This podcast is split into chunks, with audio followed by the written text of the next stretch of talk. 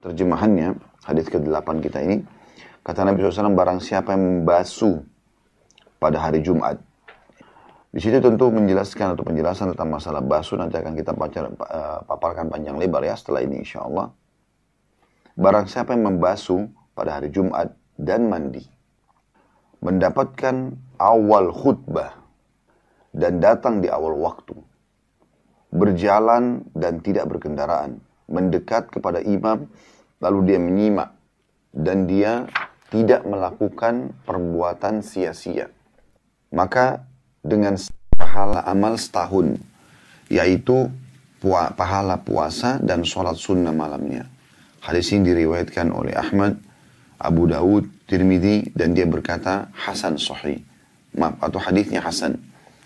An-Nasai Ibnu Majah Ibnu Khuzaimah dan Ibnu Hibban juga menyebutkan hadis ini dan Ibnu Hibban mengatakan sahih bersama Ibnu Khuzaimah serta Al-Hakim juga mensahihkannya.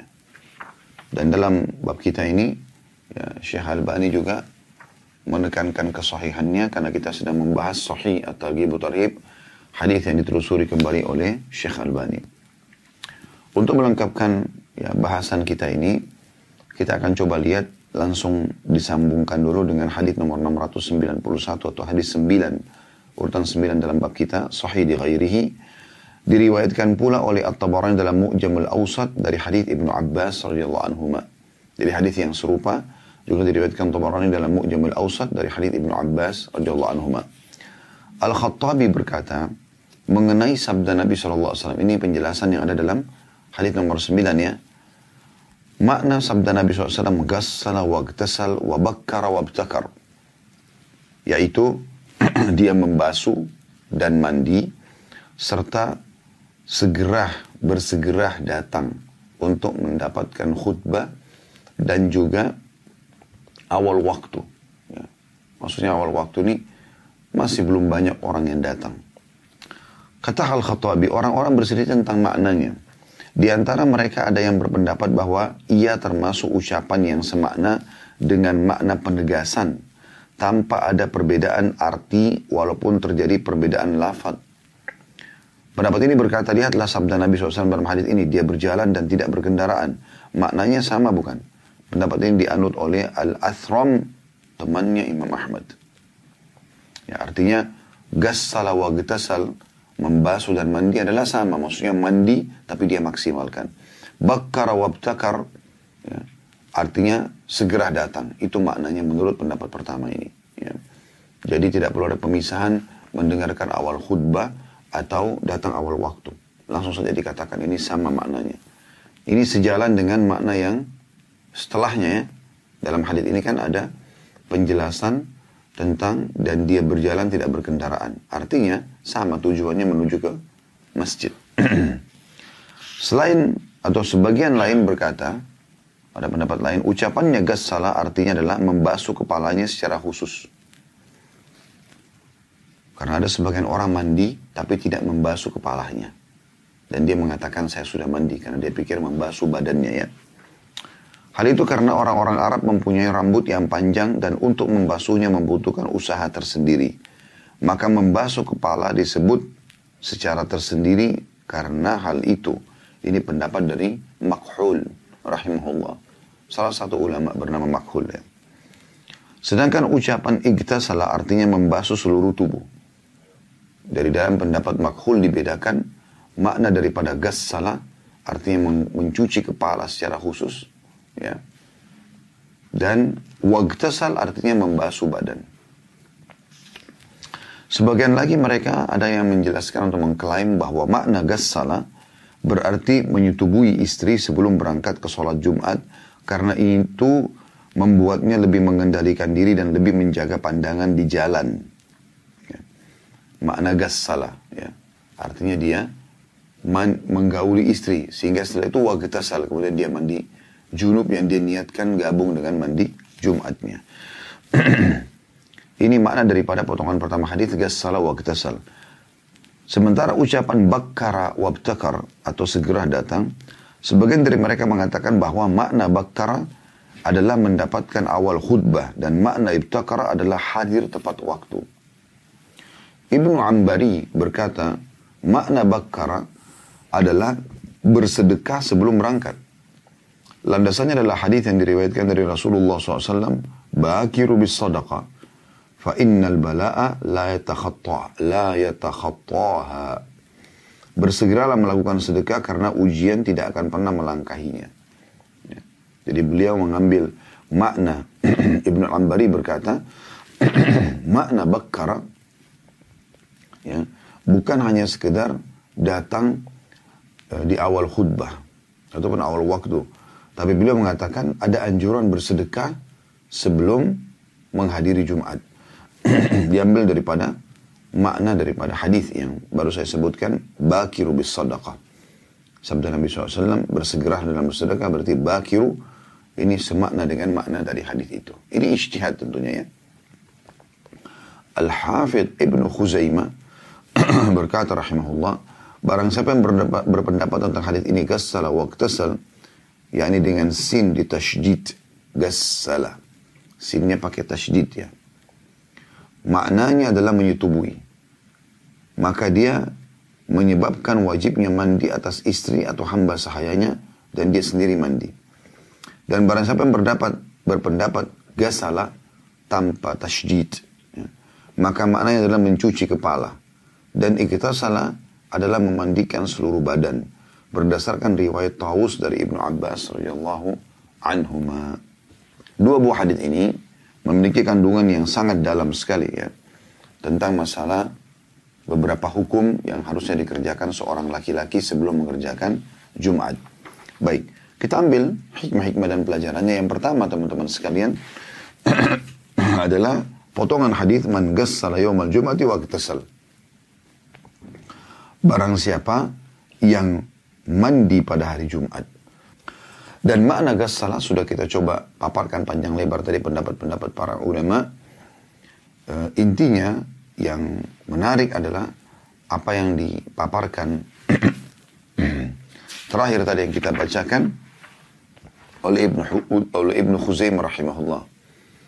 Belum merincikan bahwasanya ada perbedaan bacaan ulama tentang makna hadis. Penyebutannya kalau yang mengatakan atau membaca manggas salah seperti yang kita bacakan sekarang, pakai tasjid gas salah. Sinnya pakai tasjid. Itu berarti mandi junub. Menggauli istri sehingga akhirnya membuat dia mandi wajib dan juga istrinya mandi wajib. Tapi kalau dibaca tanpa tasjid man gasala siapa yang mandi ya, maka itu berarti cuci kepala. Tapi kedua maknanya adalah mandi. Kedua makna yang kita sedang jelaskan artinya mandi. Dikuatkan pendapat ya, Ibnu Khuzaimah rahimahullah ini dengan riwayat lain ya. Nanti mungkin akan ada setelah uh, beberapa nomor ke depannya tentang hadis Nabi SAW uh, man gasala yawmal jumat ghusl janabah barang siapa yang mandi pada hari Jumat dengan seperti mandi junub atau mandi junub ini sebabnya kenapa ada ulama yang berpendapat bahwasanya menggauli istri. Karena ada riwayat lain memang menjelaskan, kata Nabi SAW, siapa yang mandi hari Jumat, mandi junub.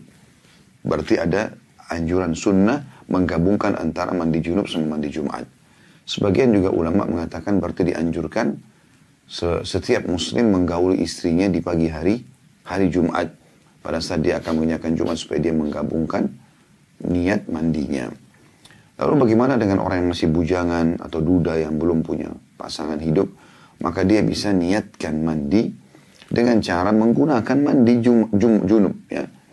Tata cara mandi junub kan ada membasuh telapak tangan, eh, maaf, membasuh kemaluan, ya, membersihkan kemaluan, kemudian membasuh wajah, ya, kemudian eh, membasuh bagian sisi kanan kepala, ya, sampai terasa di kulit kepala, kemudian menyiram sisi kanan, lalu kemudian seluruh tubuh, maka dia gunakan pola ini ya, uh, dalam mandi ya. Dia gunakan pola ini dalam mandinya, mandi Jumat maksudnya, ya, dalam mandi Jumatnya. Maka ini makna daripada potongan pertama hadis man ghassala yaumal jum'ati wa Ya. Dan menarik juga dibahas teman-teman sekalian makna yang disampaikan oleh tadi uh, beberapa ulama yang lain ya uh, bahwasanya makna gassala mencuci kepala sementara waktasal mencuci badan. Ini juga makna sangat dalam sebagaimana dijelaskan oleh Al-Khattabi tadi ya dan beberapa pendapat-pendapat yang lainnya. Karena memang dalam pola mandi tidak asing lagi buat kita semua. Orang juga membahasakan dirinya mandi kalau sudah membasahi tubuhnya.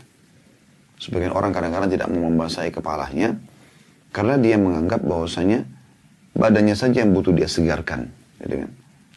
Mungkin karena dia gerah, tetapi sisi lain mungkin dia masih merasa uh, sakit kepala atau misalnya dia merasa uh, sedikit meriang ya atau flu yang membuat mungkin dia tidak nyaman kalau kepalanya dibasahi. Sehingga dia cukup membasahi bagian badan saja. Nah di sini dia dengan membasahi bagian badan berarti dianggap dirinya sudah mandi. Kalau ditanya apakah anda sudah mandi dia katakan iya. Oleh karena itu ada makna ini yang dikeluarkan oleh para ulama. Ada juga sebagian orang yang menganggap dengan mencuci kepalanya tanpa membasahi badan, ya, dia hanya cuci mungkin di wastafel, ya, eh, atau pakai shower tapi cuma bagian kepala agar dia segar kembali, dia juga menganggap dirinya sudah mandi. Jadi ada perbuatan yang dikerjakan oleh sebagian orang ini yang masuk dalam makna mandi. Ya. Walaupun yang menarik adalah bagaimana kita menggabungkan keduanya. Oleh karena itu Nabi SAW menggabungkan keduanya. Manggassala wa gitasal. Manggassala yang Jumat wa gitasal. Jadi kalaupun maknanya adalah siapa yang mencuci kepalanya, maka Nabi kuatkan dengan kalau gassala mencuci kepala, yawmal Jumat wa gitasal. Kemudian dia cuci badannya. Maka berarti kita ambil makna dalamnya seluruh tubuh dibasahi. Seluruh tubuh dibasahi. Tentu kalau anda ada udur, anda lagi sakit, tidak memungkinkan anda untuk mandi maka tidak ada masalah. Ya. Dan dari hadis ini juga pendapat sebagian ulama ada yang mengatakan bahwasanya mandi Jumat bagi laki-laki wajib. Ya, walaupun ada yang menekankan bahwasanya dia sunnah muakkadah tapi mandi Jumat lebih dekat kepada hukum wajib.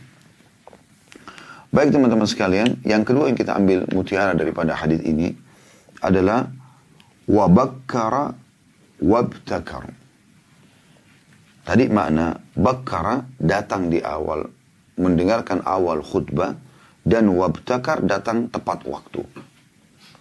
Kalau kita gabungkan maknanya adalah datang lebih awal ke masjid. Ini sesuai dengan hadis Nabi SAW yang lain. Siapa yang datang di awal waktu, maka dia seperti bersedekah dengan seekor unta.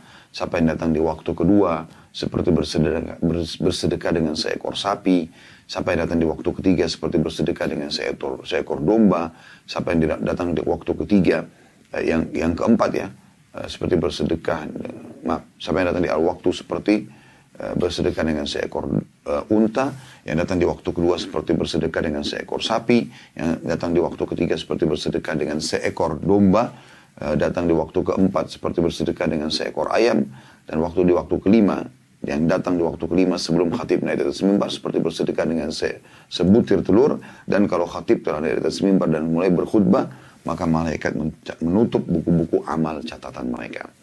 Nah ini berarti memang ada perintah untuk bakar wabtakar artinya datang lebih cepat. Ya, datang lebih cepat.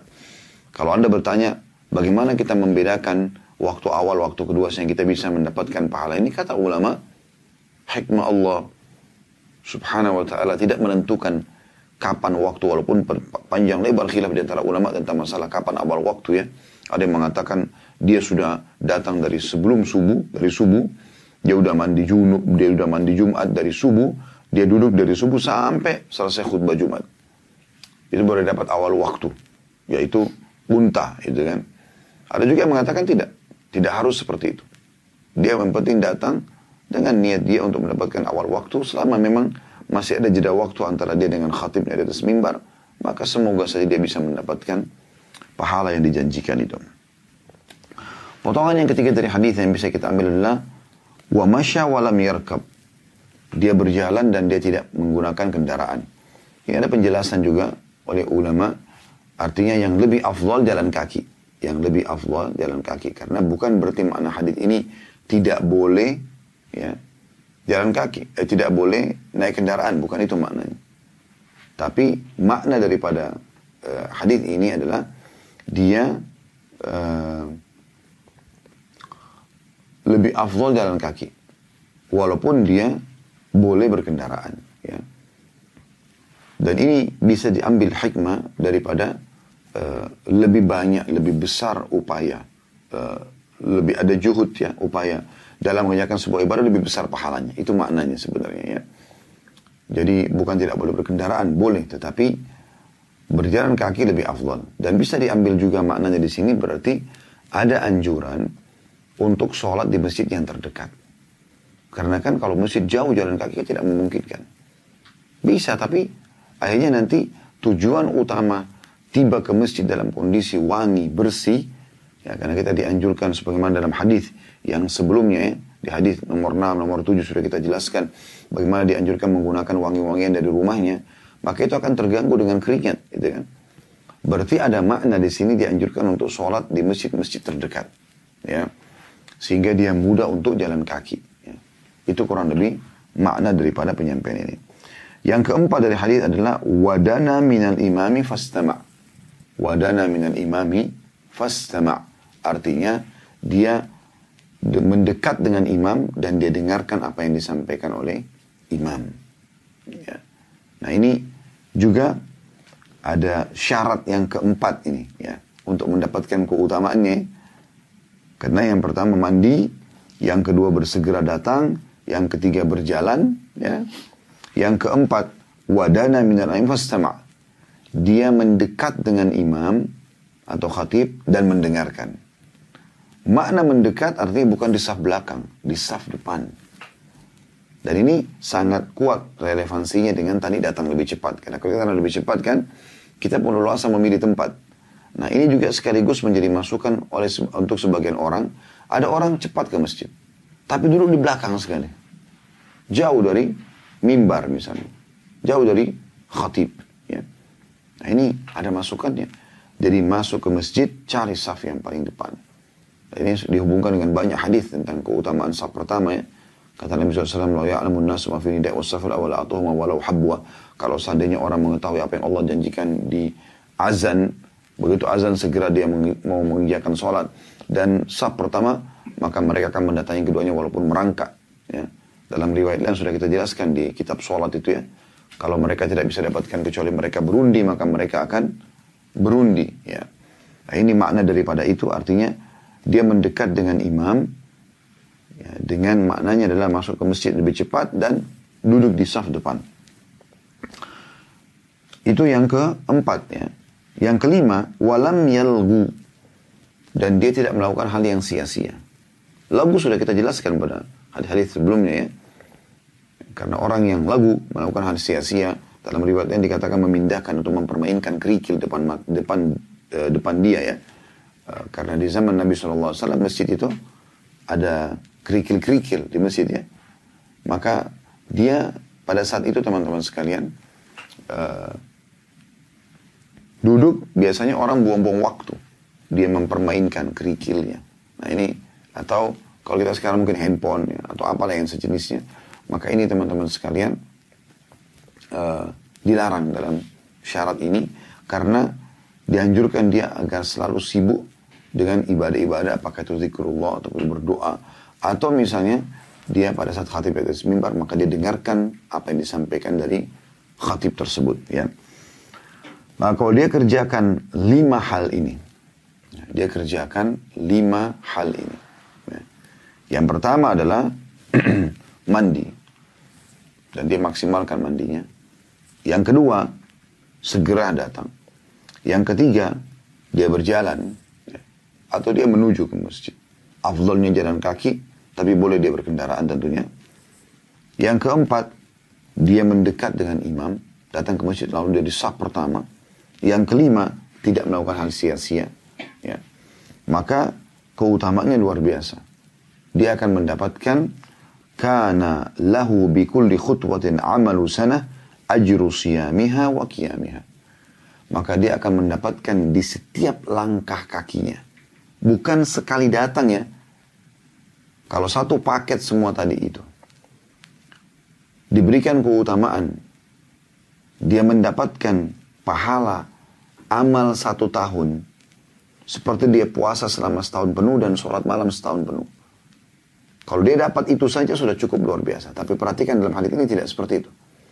Keutamanya lebih besar. Dia akan mendapatkan dari setiap langkah dia. Kalau dia dari rumahnya menuju ke masjid berseberangan saja. Dia melangkah 20 langkah misalnya. Maka setiap langkahnya dapat pahala puasa dan sholat malam setahun penuh. Kalau 20 langkah berarti kali 20 langkah. Berarti sama dengan 20 tahun dia mengerjakan puasa non-stop dan sholat malam non-stop. Kalau dia langkah 50 langkah, berarti sama dengan 50 tahun. 100 langkah, berarti sama dengan 100 tahun. Anda bisa bayangkan, perhatikan hadisnya. Kana lahu bikul di khutwah. Maka dia akan dapatkan dari setiap langkahnya amalusana. Amalan setahun. Amalan apa? Siyama, siyamiha, puasa. Ajru, siyamiha, puasa. Pahala puasa setahun itu non-stop wa dan mendirikan sholat malamnya. Ya. Dan ini luar biasa ini. Keutamaan yang luar biasa. Jangan sampai luput dari kita terutama kaum laki-laki apalagi yang masih banyak sering menunda-nunda ya. Sering menunda-nunda untuk uh, menuju ke masjid ya. Memang dia sengaja berlama-lama, dia tidak uh, segera ya untuk datang ke masjid membuang-buang waktunya. Ya, apalagi ada orang dekat, rumahnya dekat masjid. Dia tunda karena dia pikir dekat rumah, udahlah nggak masalah. Jadi nanti dia tunggu kalau sudah mau uh, azan atau kalau mungkin di beberapa masjid ada yang azan dua kali. Azan yang pertama baru menuju ke masjid. Dia dapat di belakang, padahal dia tetangganya masjid. Harusnya dia lebih cepat datang. Ya. Jadi jangan lagi mulai hari ini teman-teman sekarang kita berada di saf belakang, tapi kita berada di saf yang depan. kita masuk hadis selanjutnya hadis nomor 692. Tepatnya urutan 10 di dalam bab kita ini dengan sanad sahih Kemudian dikatakan melalui Taus ya, dia berkata, aku berkata kepada Ibnu Abbas radhiyallahu anhuma. Ya. Qultu Ibnu Abbas radhiyallahu anhuma za'amu anna Rasulullah SAW qal اغتسلوا يوم الجمعة واغسلوا رؤوسكم وإن لم يكونوا جنبا ومسوا من الطيب mereka mengklaim, maksudnya sebagian orang berbicara tentang masalah itu, bahwa Rasulullah SAW bersabda, mandilah pada hari Jumat, cucilah kepala kalian walaupun kalian tidak junub, dan oleskanlah tubuh kalian dengan wewangian. Qala Ibn Abbas radhiyallahu anhu Amma tibu fala adri wa ammal wa ammal ghaslu fa na'am. Ibnu Abbas radhiyallahu berkata, kalau wangian maka aku tidak tahu. Adapun mandi maka iya. Nah, kalaupun mandi maka iya. Ya. Dan ini maknanya hadis ini sejalan dengan sebelumnya atau rincian. Dan ini hadis inilah atau riwayat Ibnu Abbas radhiyallahu anhu ini yang membuat ada tadi pendapat sebagian ulama yang mengatakan makna ya, mencuci kepala masuk dalam makna ini. Ya. Ibnu Abbas memastikan bahwasanya Mandi iya. Kalau memakai wangian, saya belum tahu, kata Ibnu Abbas. Ya. Tapi dari hadis ini kita ambil pelajaran satu saja, bahwasanya memang dianjurkan sekali untuk mandi sebelum datang ke hari Jumat. Ya. Jadi kalau teman-teman yang kerja di kantoran, sebelum Anda keluar, pagi kan biasanya Anda mandi biar segar ya bekerja. Maka ada anjuran anda niatkan di hari Jumat mandi Jumat. Gitu. Ya. Kalau Anda mau dapatkan keutamaan yang Masya Allah bersusun satu sama yang lain artinya betul-betul keutamaan di atas keutamaan Anda yang punya pasangan berhubungan biologis di pagi hari Jumat itu selepas subuh misalnya kemudian mungkin Anda istirahat sejenak atau Anda siap, siapkan diri sarapan atau kemudian Anda mandi. Nah mandi ini diniatkan mandi junub mandi Jumat sekaligus juga Anda supaya segar pergi kerja sehingga pada saat uh, dekat hari dekat waktu Jumat dan anda lagi uh, akan menuju ke sholat Jumat anda tidak butuh mandi lagi karena sudah mandi paginya. Ya. maka anda mendapatkan keutamaan. Ini toh juga hari Jumat biasanya orang sudah mandi. Tentu ini kita bicara bagi teman-teman pegawai. Kalau orang yang pengusaha segala macam mereka masih punya waktu lebih lowong mereka bisa tentunya mandi selain di waktu pada saat sebelum atau uh, sebelum bekerja di pagi hari. Biasanya kan pegawai keluarnya jam 6 pagi, jam 7 pagi ya. Nah ini kalau para pengusaha biasanya mereka keluar jam 9, jam 10 tergantung uh, lo uh, maunya dia keluar jam berapa gitu ya. Tapi intinya mandi pada saat itu. Hadis selanjutnya mirip ini ya. Uh, dan ini kurang lebih nanti penjelasannya seperti yang sudah kami paparkan tadi yaitu hadis nomor 693 dari awal belajar dan urutan 11 dalam bab kita dengan sanad sahih dari Abdullah bin Amr bin As radhiyallahu anhuma dari Nabi SAW beliau bersabda man gassala wa gtasala wa dana wa ibtakar wa qtaraba wa istama' kana lahu bi kulli khutwatin yakhtuha qiyamu sanatin wa siyamuha barang siapa yang membasuh kepalanya dan mandi mendekat dan berangkat di awal waktu mendekat dan juga menyimak khutbah. Jadi bukan cuma menyimak khutbah tapi dekat dengan khatibnya. Maka dengan setiap langkah yang diayunkannya dia mendapatkan pahala kiam atau sholat malam dan puasa satu tahun. Hadis ini diriwayatkan oleh Ahmad dan rawi-rawinya adalah perawi-rawi yang sahih. Jadi saya kembali mengingatkan teman-teman yang berada ya di bagian dekat dengan masjid rumahnya, jangan telat. Ya. Karena ada tetangga masjid. Usahakan datang dari awal waktu. Dan juga pada saat Anda sedang duduk, misalnya Anda datang lebih cepat, jam 11 pagi, setengah 12 mungkin, kalaupun jam 12 duhurnya misal. Anda datang lebih cepat menurut Anda, ya masih mungkin masih kosong karena umumnya tradisi masyarakat di sekitar rumah Anda justru datangnya sudah dekat pada saat khatib mulai dari mimbar, maka tidak ada masalah. Apa yang Anda lakukan? Anda banyak Anda bisa lakukan. Anda bisa membaca surah Al-Kahfi.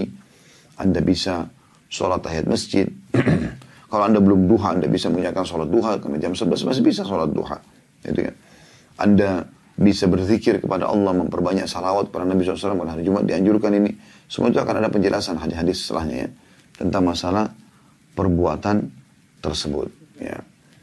Jadi anjuran dari hadis-hadis yang sudah kita bahas ini adalah bagaimana mandi, bersihkan diri, pakai wangi-wangian, ada riwayat dan juga menyisir rambut dengan rapi. Riwayat sebelumnya kita pelajari memakai baju yang terbaik yang dia miliki. Jadi memang sangat berhubungan sekali antara bersih rapi dengan hadir Jumat. Ya. Bersih rapi dan hadir Jumat. Ya. Kurang lebih seperti itu. dan ini insya Allah uh, yang akan kita bahas pada kesempatan kita kali ini. Maksudnya kita bahas sampai hadis ini dan kita akan lanjutkan pertemuan akan datang nanti dengan uh, hadis-hadis setelahnya ya. ya. Karena sampai hadis nomor 11 ini anjuran untuk bersih-bersih sebelum mandi eh sebelum Jumat ya. Kalau hadis setelahnya itu sudah masuk tentang keutamaan ya, hari Jumatnya sendiri. Hari Jumatnya sendiri punya keutamaan.